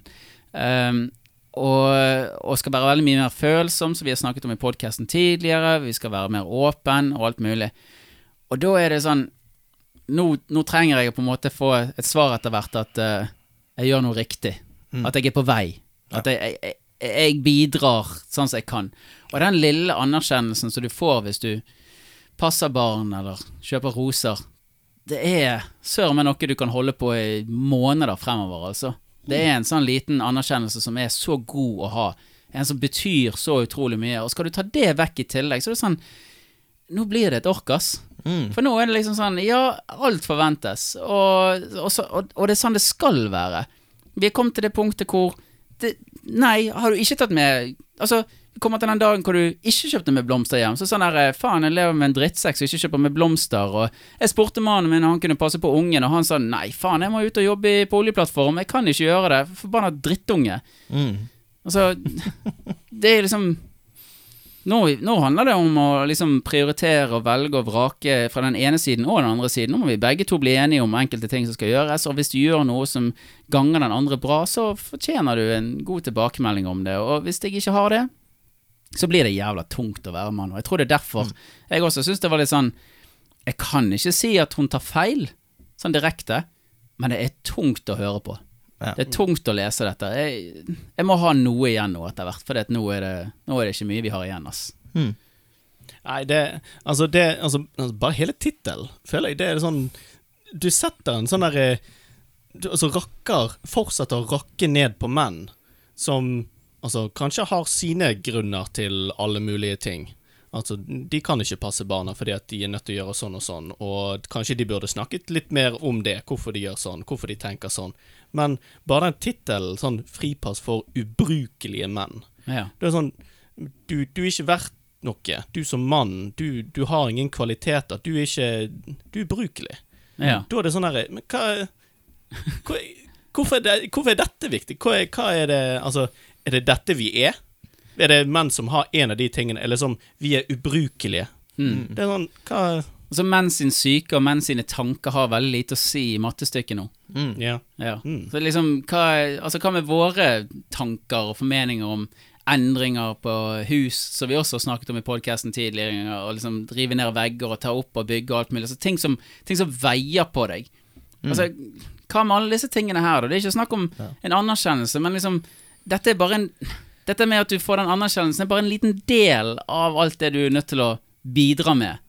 Fordi at du sjøl føler du må bidra med det. Ja. Og det får jo veldig ofte ingen anerkjennelse i det hele tatt, for det er bare deg løser dine egne problemer. Og der er jeg også litt sånn redd for at liksom At du løser dine problemer, er jo ikke en løsning på våre problemer. Det er en løsning på dine problemer. Ja. Men så er det andre veien. Så er det sånn at Ja, men dette her er jo løsningen på våre problemer. For Ja. du har jo de- Du har jo ikke dine problemer. Du har våre, men jeg har mine. Ja. ja. det er sånn. Ok. Nei, eh, jeg, vil jo si det som du er litt inne på nå, Eivind. Det, det har vært eh, mye viktige eh, endringer i forhold til at vi har både metoo og, og det, er- ifølge av det så er det jo kommet masse sånn her i forhold til eh, likestilling. Uh, Vær seg lønninger og vær seg rettigheter og så videre. Eh, og det, det er bra, det. Men det er litt som gjerne denne artikkelen for meg òg tar og skjærer alle over én kam litt for mye. Og det skjer i disse kampene òg, syns jeg. Mm. Det er, det er en Ja, det er ikke en kam, det er en, det er en snøskuffe. Mm. Så bare ta med seg en hel masse mannfolk og, og ta de med seg til- dit det skal. Det, det er ikke veldig bra, det. Akkurat som, som de har uh, sine individuelle problemer, altså kvinnene, så har menn det tilsvarende, vi òg. Hun tar jo opp eksempel dette her med at uh, Hva var det hun skrev så fint, da? At uh, gjennomsnittsmannen er 19 år når han da fikk eh, hjertet sitt knust, eh, og kom seg aldri til hektene igjen. Ja, Altså- eh, Hvem sin feil er det? Er det, er det, menn, er det menn sin feil? Er, er vi ubrukelige fordi vi fikk et hjerte knust? uh, men nå, nå føler du toucher på et tema som uh, må ha litt sånn definisjoner av uh, liksom, Hvordan bærer menn sorg? Altså, og hvorfor bærer menn sorg? Fordi at det, Jeg har en liten følelse at akkurat der følte jeg hun faktisk hadde et lite poeng. Det kommer litt an på alderen på skribenten her. Så Ja. Hun som står ansvarlig for artikkelen. Så jeg vet ikke hva hun har opplevd. Jeg vet ikke hva mann hun refererer til. Dette kan jo være en sånn her eh, at hun er litt hissig på én mann, og så slo hun opp med han, og så trengte hun et utløp. Men um, Men jeg kjenner ikke til historikken her. Nei. Men jeg vet ikke om hun er gammel nok til å si liksom hva bagasje en person kommer inn i med fra et annet forhold. Men menn bærer jo på sorg på Og det, som sagt, jeg er litt enig med henne. Menn bærer på en sorg på en litt annen måte. Ja. Vi legger det grådig dårlig fra oss. Ja. Og det Og menn takler brudd dårligere enn kvinner. Det Definitivt. er bortimot bevist. Men det er ikke sånn at vi bærer på det resten av livet. Altså, ikke, ikke majoriteten i hvert fall, vil jeg tørre å påstå. Men det er jo kan der vi være, er individuelle òg. Vi er individuelle, men vi er også, vi er også individuelle. Ja, altså, vi er individuelle med, på den måten at um, man kan ta lærdom av et brudd. Man kan se fordeler hos kvinner, som man gjerne begynner å date etter det forrige bruddet. Og man kan anerkjenne endringer som en positiv ting. Sant? Og man ser liksom at det som var feil her, det er riktig her, og vi kan ta glede i det, da. Mm -hmm. Men hun som er skribenten, det kan være at hun har vært borti noe som var litt dårlig. Noe som ikke var så veldig bra for henne. Og da er jo det Ja. Da er jo det han mannen som kanskje tok med seg bagasje, som kommer til å skje med menn i 19-årsalderen. Altså de Ja. som er et eller annet sted mellom 19 og 25. Ja, men de, altså, herregud, det er jo Da går du gjerne gjennom en av de første lang, langvarige forholdsbruddene dine, da. Mhm. Og selvfølgelig, det er jo Burde jo ikke være eksklusivt for menn, egentlig, men selvfølgelig bærer jo dårlig på det, og du er var. Ja. Sant? Absolutt. Men eh, ja, hun skriver jo da at uh, nå frykter han romanse og forpliktelse, men oppsøker det likevel. Som du sier, ja, man kommer jo kanskje på litt feil grunnlag inn i uh, noen sine liv og blir sammen med de. Mm. Uh, som ja, kan gjøre det til et ganske kjipt forhold på mange måter. Eh, men allikevel, ut av teksten hun har skrevet og så videre, så, så Hun tar jo òg og nevner at dette her er eh, Ja, det er nok nevnt noe om, om kjønns... eh, likestillingskampen, tror jeg hun bruker. Mm. Men i akkurat det uttrykket der, så får jeg òg inntrykket av at hun mener at vi menn bare skal være menn og suck it up. Så jeg føler ikke hun gjør et kjempegodt slag for akkurat eh, Nei, altså, likestillingen heller. du kan, ikke, du kan ikke være en mann som griner og ikke viser følelser samtidig. Nei. Nei, du Men kan ikke, det- det, det- du kan ikke være en mann som griner og ikke viser følelser samtidig. Altså, du, du kan ikke få pose og sekk. Ja, nei, men det er liksom det. Og jeg får, jeg får sånn mixed signals av hele det hun skriver, akkurat i, i et lite avsnitt der. Eh, at det liksom ja, hva, hva- hva, hva forventer du? Så det eh, Ja. Hun, hun, hun det, det blir litt sånn, som du sier, eh, med at du kan ikke få både pose og sekk, men det er jo der at her er det snakk om en jævla stor kamp. Ja. Greit nok hun bruker gjennomsnittsmann, men uh, Ja, men jeg synes det, gjennomsnitt, Gjennomsnittsmann er jo på en måte litt upolitisk allerede der. Ja. For det at uh, hva i all verden er en gjennomsnittsmann? ja. Altså, hvor leser du det i statistikkene fra henne? Ja. Og finner du det fra sosiale medier? Er det der du henter det fra? Ja, for det er det Det jeg har en forståelse ikke- fra òg, egentlig. Liksom det er statusene som kommer fra andre influensere, eller hva det måtte være. Det er der liksom du henter informasjonen din fra. Så, så klart, du kan jo skape din en gjennomsnittsmann ut ifra det, men det er jo ikke mennene som skriver det. Nei. Det er jo informasjon fra andre kvinner, det. Mm. Det er jo ikke noe å si. Nei. Så det er liksom når man begynner å hylle, skal vi si, menn. Og så kommer hun her, som da antageligvis har lest litt for mange poster eh, av sine sosiale medievenninner. Så blir det litt sånn Jeg, jeg vil jo tro det er det som har skjedd her. At liksom hele virkelighetsrealiteten er bygget opp rundt eh, hva du egentlig har sett på sosiale medier, og litt grann i, i løpet av Jentesnakk. Ja. Mm. Men ja. det er liksom Det er hennes virkelighetsbilde, og det er for så vidt greit, det. Men så har vi, så har vi jo andre òg som, som sitter med litt andre puslespillsbiter og ser verden på litt annen måte, og da blir denne artikkelen litt sånn Den blir hard og vond å lese, på en måte, med med det som du på en måte mener er eh, På en måte Det, det virker kjent, men, men ikke he, det hører ikke, du føler ikke det hører helt hjemme, på en måte. Jeg tror det er lurt av oss, eh, og viktig og riktig av oss, å anerkjenne dette som en ting som vi ikke klarer å svare på.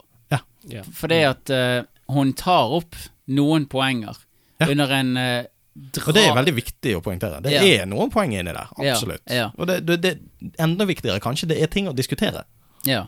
Nei, for jeg ser det her hjemme i huset, på en måte. Det er jo det at uh, jeg skal ikke si at jeg er på latsiden, men jeg er på latere siden av det med vanlige huslige ting som skal gjøres. Det, da snakker vi om å vaske klær og tømme oppvaskmaskin og fylle i oppvaskmaskin og sånn som det. Og jeg vet jo at fruen i huset Hun er utrolig flink til å ta og vaske klær og henge opp klær og sånn som det. Og hun har anerkjent det til meg så mange ganger liksom at dette er de enkle forhåndsreglene som jeg setter for våte klær på badet. De skal være sånn og sånn, og bare det eneste jeg ber av deg, er at du opprettholder de reglene. Ganske enkle regler. Men så skjer det seg sånn at jeg eh, klarer å bomme på enkle regler. Og jeg blir litt sånn irritert over kjennepreiken som kommer derpå, men anerkjenner han som en velfortjent en. Ja. Uh, og eh, de gangene som jeg velger å henge opp våttøy før det går i, nei, før det går i vaskemaskinen, så er det litt sånn Jeg sitter ikke der og venter på en premie. Jeg gjør Nei. ikke det. Og jeg fortjener ingen premie for at jeg har gjort det heller. Nei. Det er helt riktig. Sant? Men det som jeg mener fortjener en premie, det er når du går litt sånn ut av daglig struktur, og så gir du litt grann ekstra. Mm. Det forventes av en partner at han skal gjøre det, men du kan anerkjenne det. Mm. For det har det gjort andre veien. Ja. Og det er også en av disse motkronikkene som du nevnte tidligere, Det var to forskjellige. Det er en som skrev av en kvinne, hun er da eh, barnehageansatt. Og så er det da en mann som ser det fra sitt syn. Ja. Og eh, han nevner jo en ting som er litt sånn interessant. Da. Han sier jo det at Tenk hvis jeg skrev denne kronikken bare motsatt. Vi snudde bordet. Mm. Og så skrev jeg at uh, vi kan ikke drive og applaudere kvinner fordi at de tar med seg en uh, Jeg vet ikke hva som er liksom ekvivalenten til roser. Altså, men roser i seg sjøl er jo ganske fint egentlig å få, så vi kan jo bare bruke det, da. Men hva er, hva, si, vi kan ikke drive og applaudere kvinnene våre fordi at de tar med seg noen roser hjem en dag.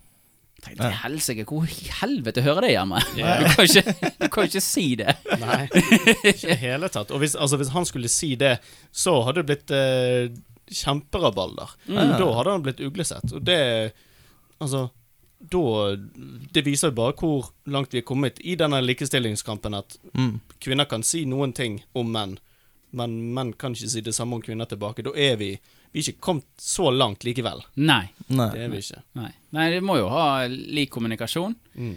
Og så selvfølgelig en ting som ofte blir nevnt, er jo at vi alle sammen Vi må ha en dialog, og så må vi lytte, og vi må lytte når vi lytter. Vi kan ikke bare nikke og smile og gjøre oss ferdig med samtalen så fort som mulig.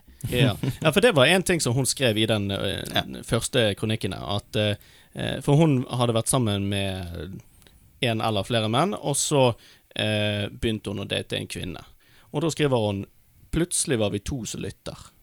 Ja. Og da lurer jeg på, hva, hva mann er det du har funnet deg som ikke lytter i det hele tatt? Er det, hva, hva er det han gjør på?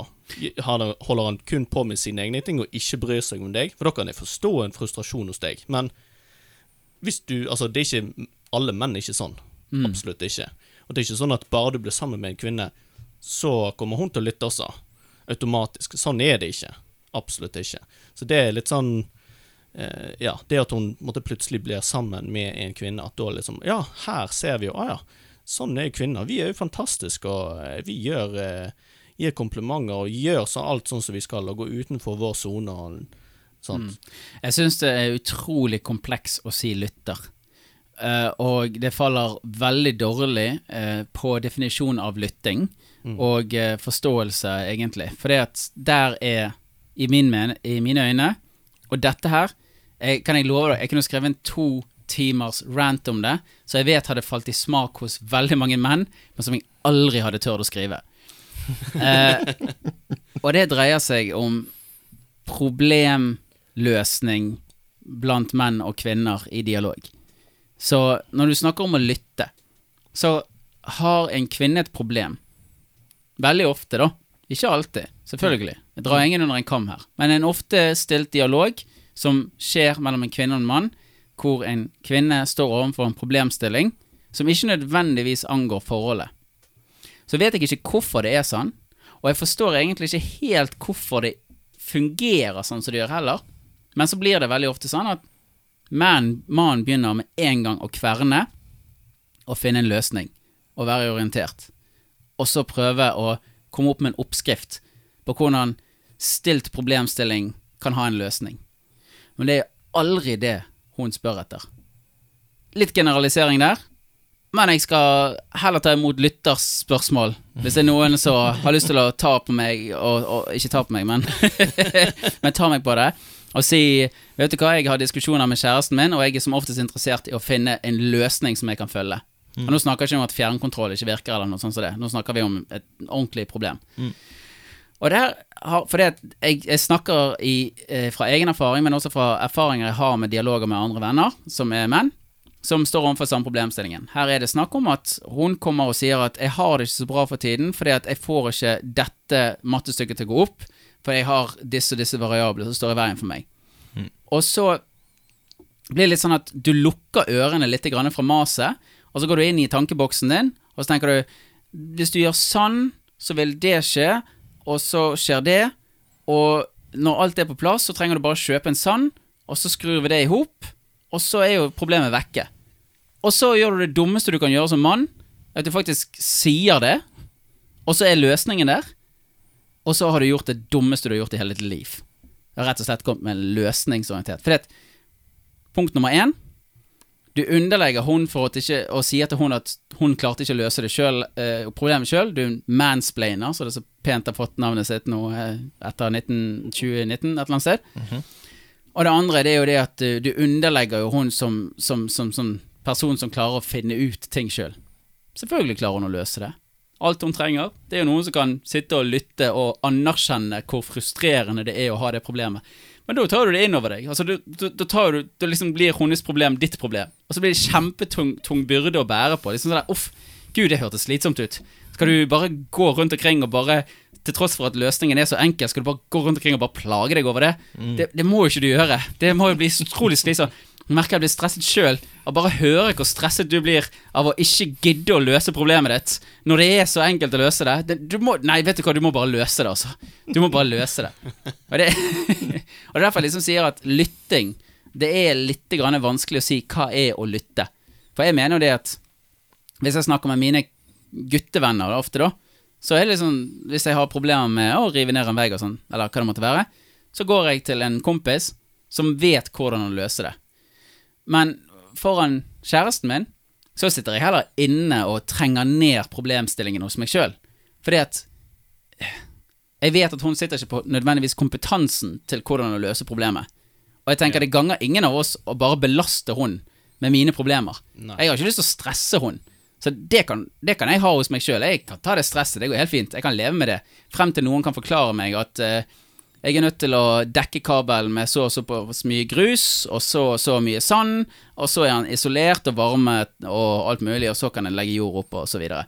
Mm. Da kan jeg sove i fred etter det. Ja. Mm. Det er jo også det, altså når du nevner eh, eh, Når du nevnte det du nevnte helt i begynnelsen her, med at, at en kvinne kommer til kjæresten eller partneren med en problemstilling. For det er jo det som ofte skjer. Det er kvinnen som kommer til mannen med problemstillingen, eller med Og så forventer at mannen skal lytte. Men det skjer jo ikke Altså, det, det skjer mer den veien enn andre veien. Og hvorfor det?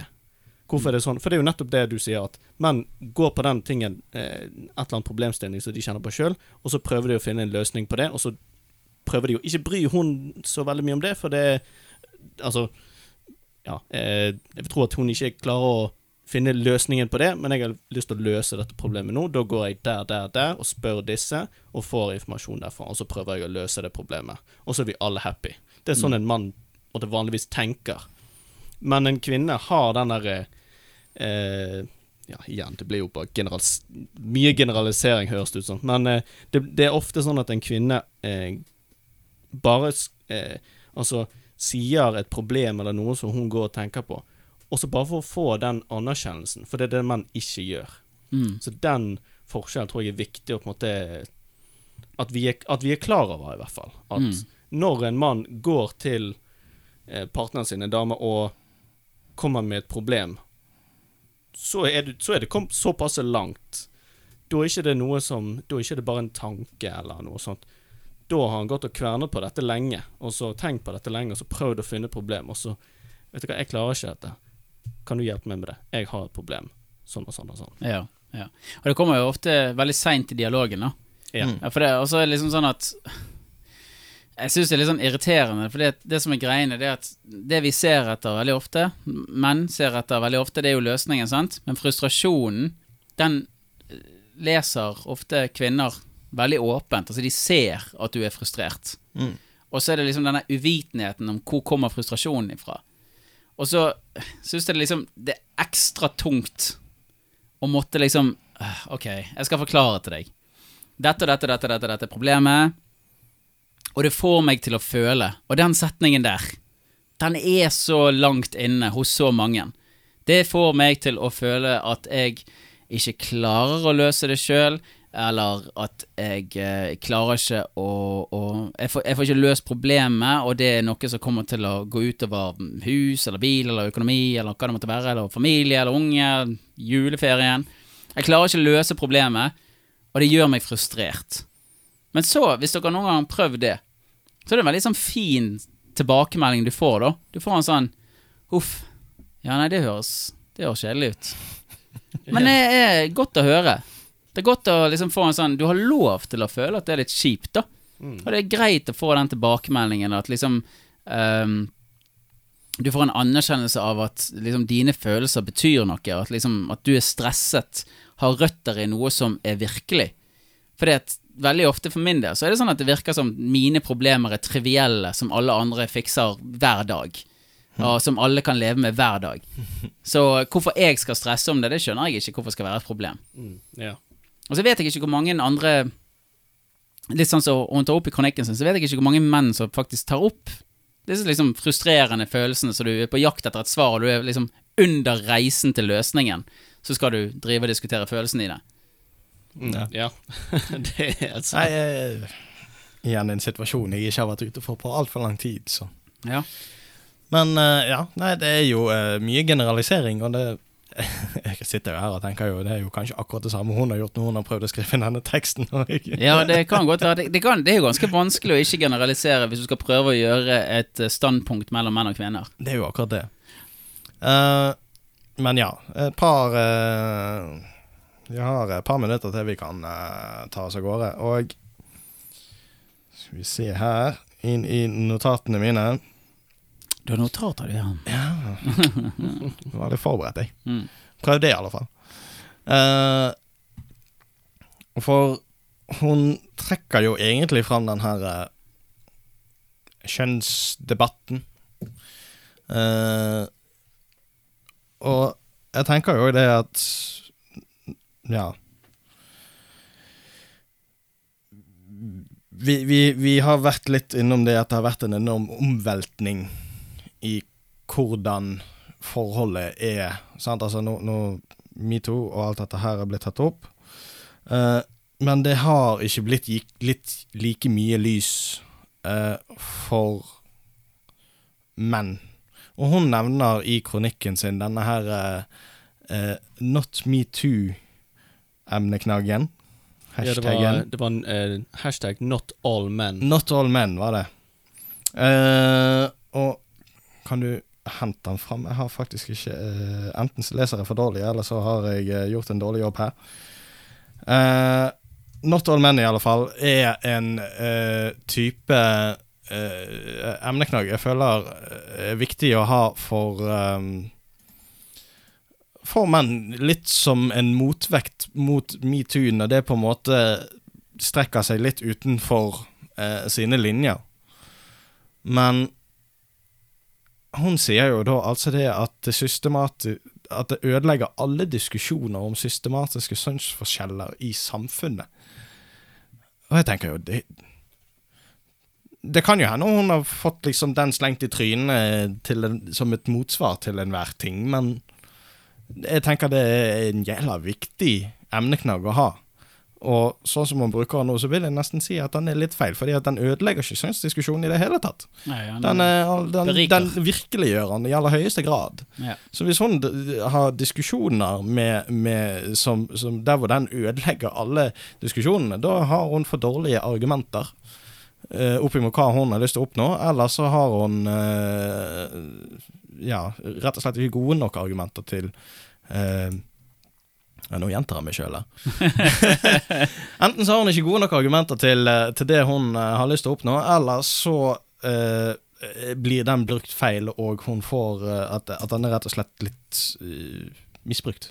Men det er vel det som er greia med hele diskusjonen her, det er jo det at det er veldig vanskelig å sette ord på den. Ja. Altså, det er jo det som er litt vrient, det at eh, når vi sitter her og kan irritere oss over at eh, berømmelser ikke skal være gitt til uh, berømmelsesmottakende utgjører av eh, så nevnt eh, aksjon, så vil jeg jo fremdeles si det at det er unntak men, og, og, men med den hashtaggen 'not all men', så kan jo alle sammen henge seg på den hashtaggen. De, og du kan alltid snakke imot. Men det hun ser etter, er jo en diskusjon. Det er det hun vil ha. Så 'not all men' er greit nok, men vi er igjen på det store spørsmålet hvor, hvor er Altså, hvilken side av 'not all men' er jeg på? Ja. Jeg vet jo ikke det. Jeg vet jo ikke om jeg er ikke er en del av det hun snakker om. Nei, stort sett så har det vel eh, Jeg mener jo den har dukket opp mye i forhold til eh, folk som Når, når, det, når temaet er uh, voldtektsmenn, Ja. Så dukker Not All Men opp mye. Nå skal ikke jeg eh, skryte eller noe, men eh, jeg er ikke der, jeg. Nei. Der, der, er- der tror jeg vi er tre. Ja. Ja. Håper jeg hvert fall det. Ja. Må komme et, jeg må komme med et klungende ja. Ja, jeg er ikke der. hei, okay. Ok. Det, nei, men det, er det, det er et par sånne ting inni der som på en måte gjør at hele, hele Hun tar jo inn veldig mye, det, det er veldig mye vi skal dekke, og jeg tror rett og slett ikke vi, vi har hele Ja. Det er mye, mye å dekke, rett og slett. Eh, en ting som eh, var et eh, motsvar i den ene kronikken, Ja. eh, var jo eh, Hun ser ut som å ha glemt hele det konseptet med, med It takes two to tango. Ja.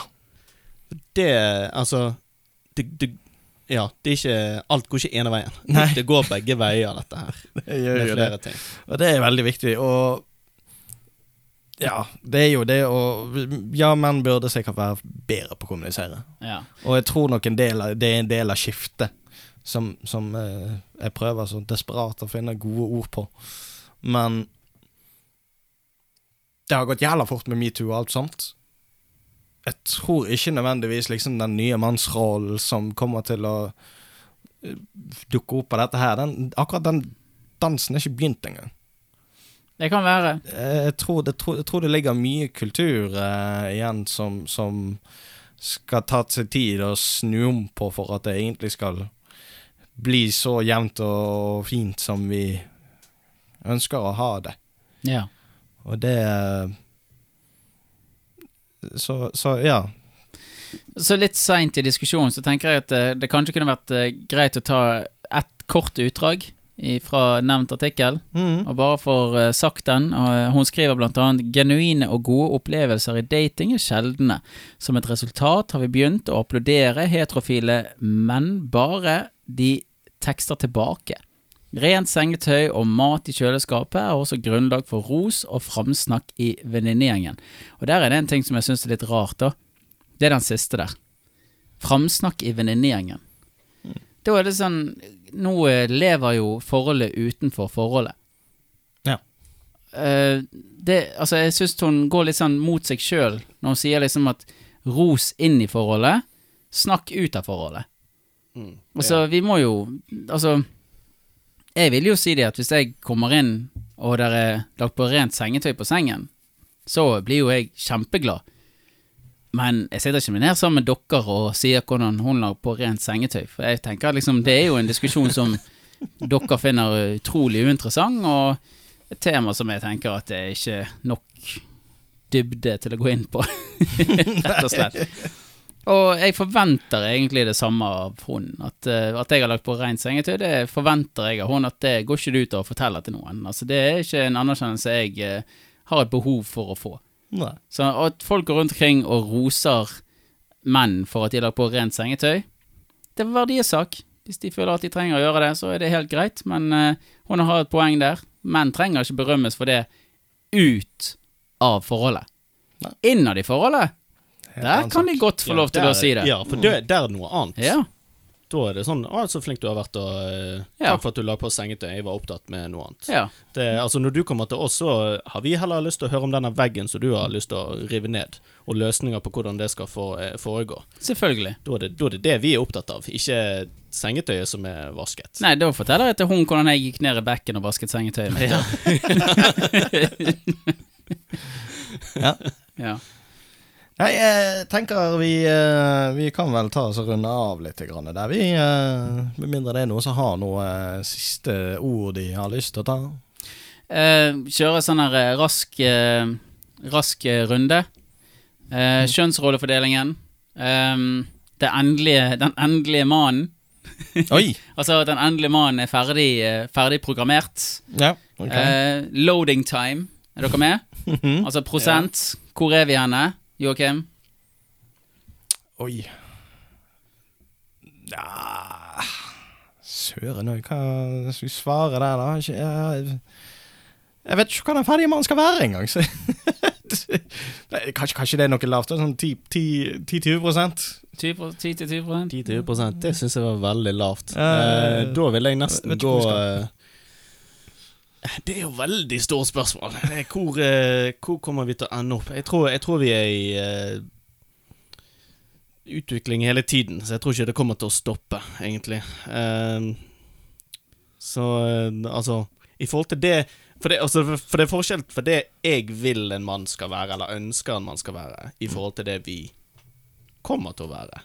No. Jeg tror at Altså, i forhold til min, mine ønsker, så tror jeg vi er kanskje på en 60% kanskje.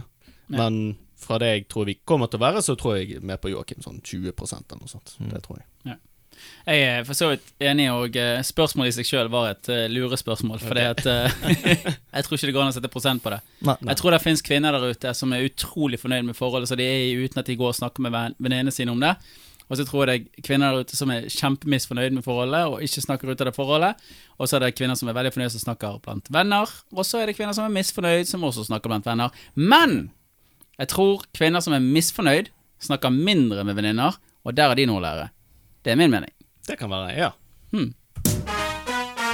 Nei, det er jo et forferdelig godt spørsmål. Jeg kan umulig stemme. Det skal jeg aldri tenkt på før. Det er ikke sånn. Helt urimelig. Dette er urettferdig. Vi må jo bare spørre.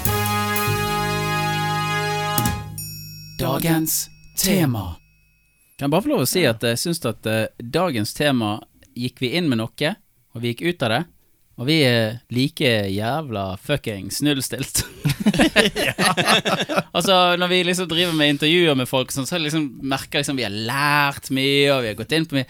Nå har vi liksom bare kastet rundt sånn Ja, her er en tanke, dette kan vi snakke litt om, og så snakker vi om det, så kommer vi ingen vei. Nei. Altså, det, er ikke det, det er ikke det at det er en dårlig diskusjon på noen som helst måte, men det er bare liksom det at vi har bare sånn åpent oss litt for hverandre, og så sånn at, Ja, men uh, vi er jo liksom Ja, nei, den uh, den artikkelen er nå det som sånn er fremdeles. Jeg har mine tanker om den artikkelen fortsatt. Det har ikke fått noe endelig svar på det. Men det er vel kanskje en litt sånn fortsettelse på den eh, mannsrollen-temaet Ja. som vi hadde. Og der vi har jo innsett at eh, det er jo et enormt tema, og det er jo sinnssykt mange ting man kan snakke om der. Ja, Så absolutt. det, og at vi deler litt opp og tar litt sånn eh, Her var noe som jeg syns var interessant, og det kan vi ta, snakke om. Så er det litt sånn tanker og, rundt det. Så ja, for de som hører på, så kan jo de bruke dette på Bare til å gå og surre i hjernen og gjøre opp seg noen tanker og sånt, bare for å Ja, bare for å Mm. gjøre det. Ja. Tenk over spørsmål du stiller, og eh, tenk litt grann på at eh, kan det være at hun ikke kjenner, trenger anerkjennelse for eh, treng, Trenger eh, løsning problemet? Eller vet hun egentlig løsning problemet, men trenger anerkjennelse på hvor vanskelig å komme der til? Det er ferden som er rett og slett bare vanskelig å takle. Ja. Ja. Men vi kan jo ikke bli der at ingen løser problemet. Nei, sorry. Det, vet du hva, stryk det. Det kan, det sa jeg ikke. Fordi at eh, kvinner og menn løser problemet like forbanna godt, begge to. Så det, det, det, der hørte det et eller annet sted i baktankene at eh, her sa jeg noe som jeg ikke egentlig mente. Jeg mente bare det at vi kan ikke ha en dialog og aldri være løsningsorientert. Det var det jeg mente. Vi kan snakke om følelser, men vi kan også være løsningsorienterte. Det var det jeg mente. Ja. Ok, der. Huh. Jesus. Gikk litt varmt i, varmt i Ja, det, det var ekkelt. All right. Uh, skal, vi, eh, skal, vi la, skal vi la det fyre litt opp, Brage? Å ja. Oh, ja. Sånn kan det bare ikke være! Nei, vet du hva? På TV2 sine nettsider kunne man lese torsdag 11. mars at Magnus på 35 fikk bananlappene det spiste han faktisk i vrangstrupen når han fant en QR-kode på melkekartongen istedenfor den vanlige påskekrimmen. Det var enda to uker til palmesøndag, men Magnus han hadde, for, han hadde sett for seg at han skulle sette seg ned, ny, nyte noen bananlapper, mens han funderte på dette mysteriet som var på siden av melkekartongen. Denne mannen er 35 år. Når han fant ut at en simpel QR-kode hadde tatt plassen, som en ussel skurk som hadde sneket seg inn hjemme hos han, og satt seg i godstolen til bestefar, svartnet det helt for Magnus. Som han skrev på Facebook, og jeg siterer Jeg klikker Alt i store bokstaver, altså. Magnus han fant seg ut at dette, dette skal jeg gjøre noe med. Han satte seg ned og skrev et sint brev til Tine om hvordan dette hadde ødelagt både tradisjoner og analoge avbrekk i hverdagen. Det var jo dette som skulle gjøre at mobil var godt plantet i lommen. For en gangs skyld skulle man være sammen. For det er jo det man gjør i påsken. Man er sammen. Folk fra tre eller flere generasjoner er samlet rundt frokostbordet og venter på sin tur til å lese og studere. Kanskje sier far å ja. Og med et stort glis lener han seg tilbake og elsker at han fant løsningen først. At det var han som våknet tidligst og dermed har fått lest hele greien flere ganger, det gjør ingenting. Heller ikke at han er den eldste i familien, som ikke har en demens med full blomst ennå. Han har nemlig funnet løsningen, helt av seg sjøl. Han sitter og flirer for seg sjøl mens han kommer med slibrige kommentarer til den yngre generasjonen som ikke har tosifre i året sitt ennå. Klarer ikke dere det engang? Ikke tenker lille Magnus på 35 at dette er noe som skal samle, ikke dele. Nei, det er akkurat det å dele. Det skal Magnus gjøre. Mens knappene på tastaturet kastes rundt i rommet når Magnus skriver det sinte innlegget sitt på Facebook, og han endelig legger ut en post som inneholder setninger bestående av både store og små bokstaver, mer stort enn smått, så er tanken nettopp det å dele som er viktig for han. Del posten videre er det eneste som står i hodet på han. Lik og del.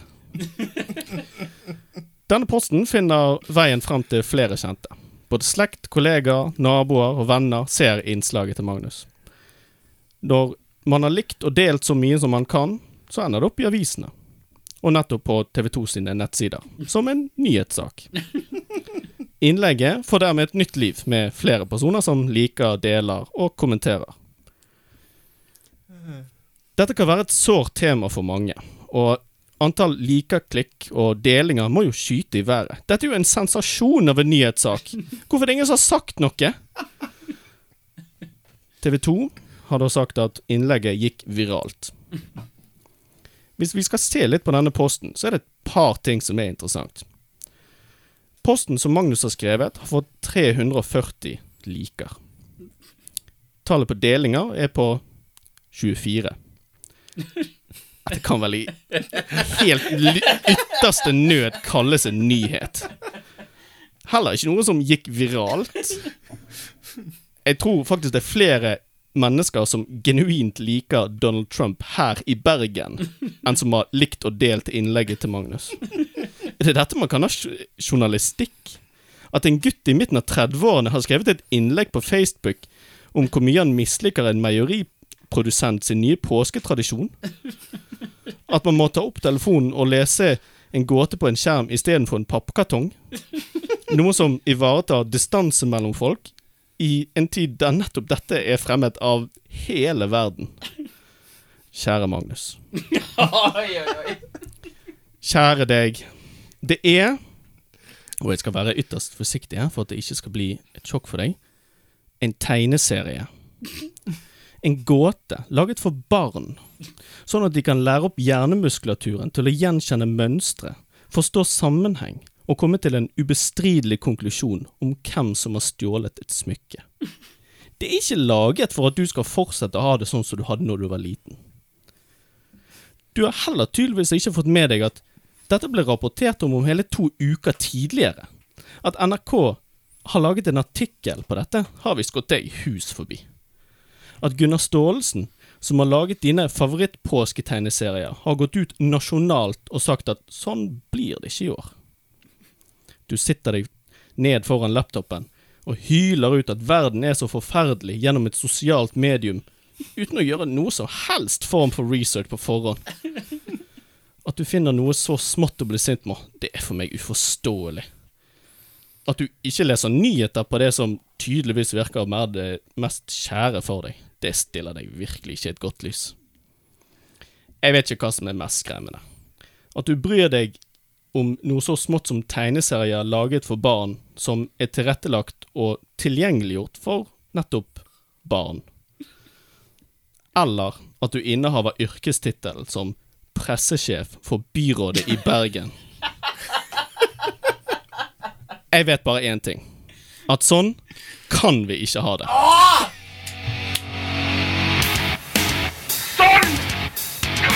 Bare ikke være! Nei, vet du hva?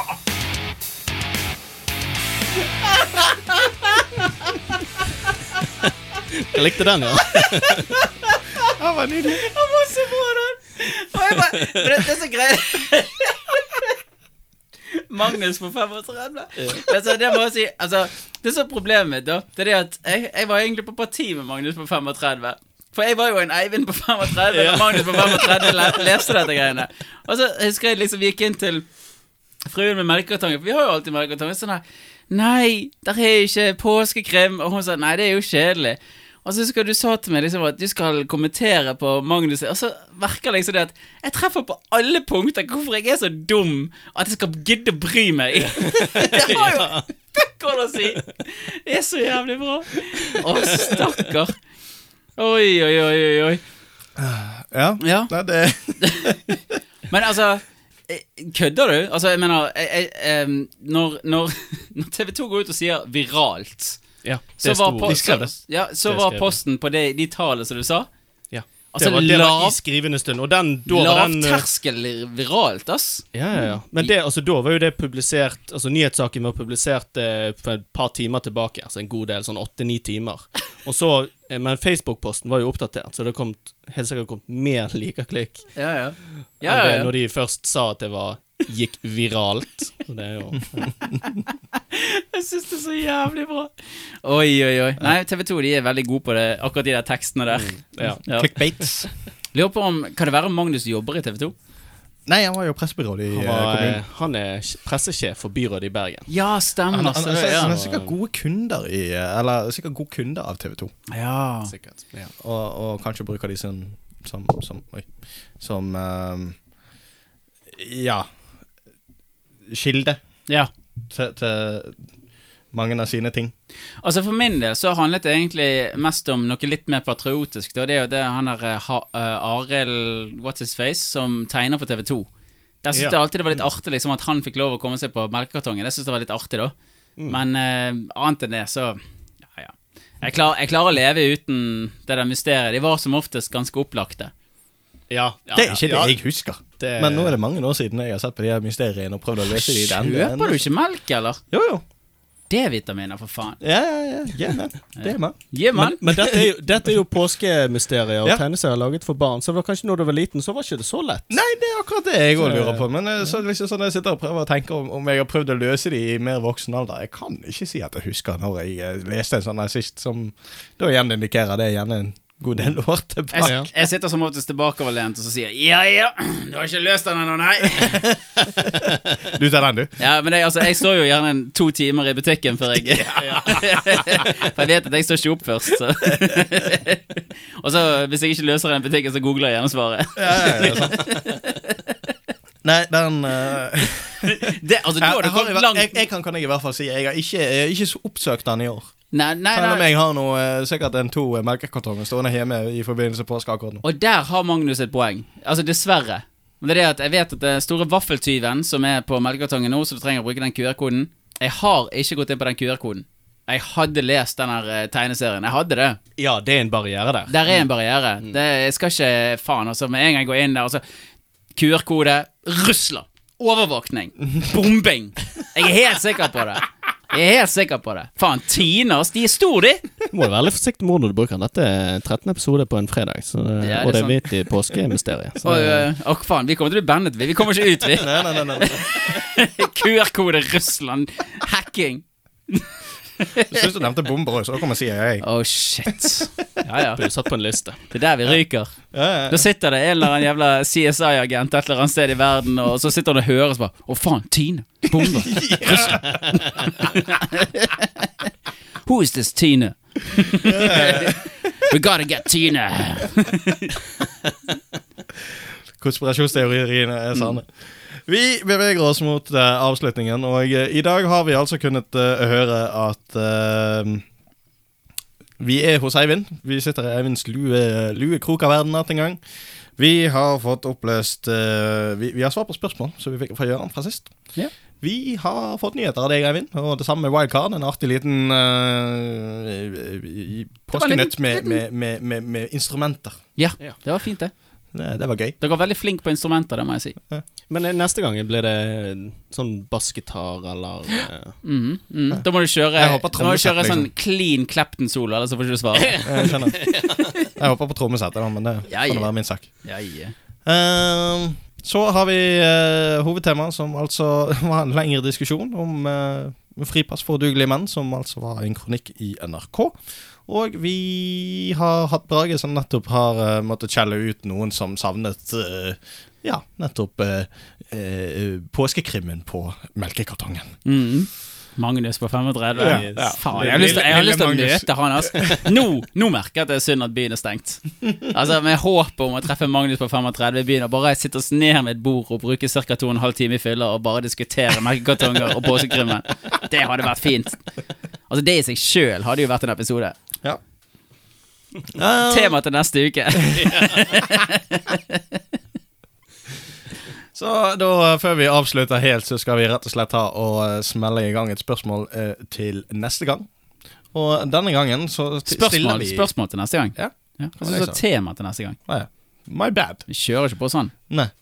Spørsmål til neste gang. Og vi har rett og slett i plenum gått sammen om å stille ett spørsmål. Eh, og det er altså Hva er ditt favorittmytologiske vesen? Ja. Og da vesen, er det da et menneske? Er vi enige om det, eller kan vi uh, vi, vi, vi landet vel på at det var uh, menneske òg. innenfor? Ja. Så jeg kan si Gud på det. Veldig kjedelig svar, men uh, det kan jeg si Gud på. Jeg, det, det er ikke mitt svar, men det Hvis du er artistisk norsk nok, så kan du vel det. Mm. Ja. Nå sa jeg ateistisk. Ikke autistisk, men ateistisk. Ja. Og Hjelpes. Da sliter du med ordet. Ja, ja. For en avslutning! Ja, ja, ja. Nå drar du oss opp her. Og nå kommer Muse på scenen.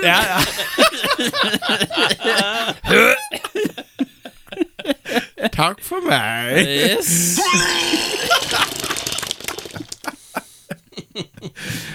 Men ja, det er egentlig det vi skal si. Tusen takk for oss.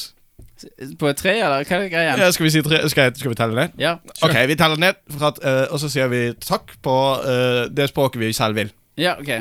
uh, tre, to, én Takk på det språket du selv vil.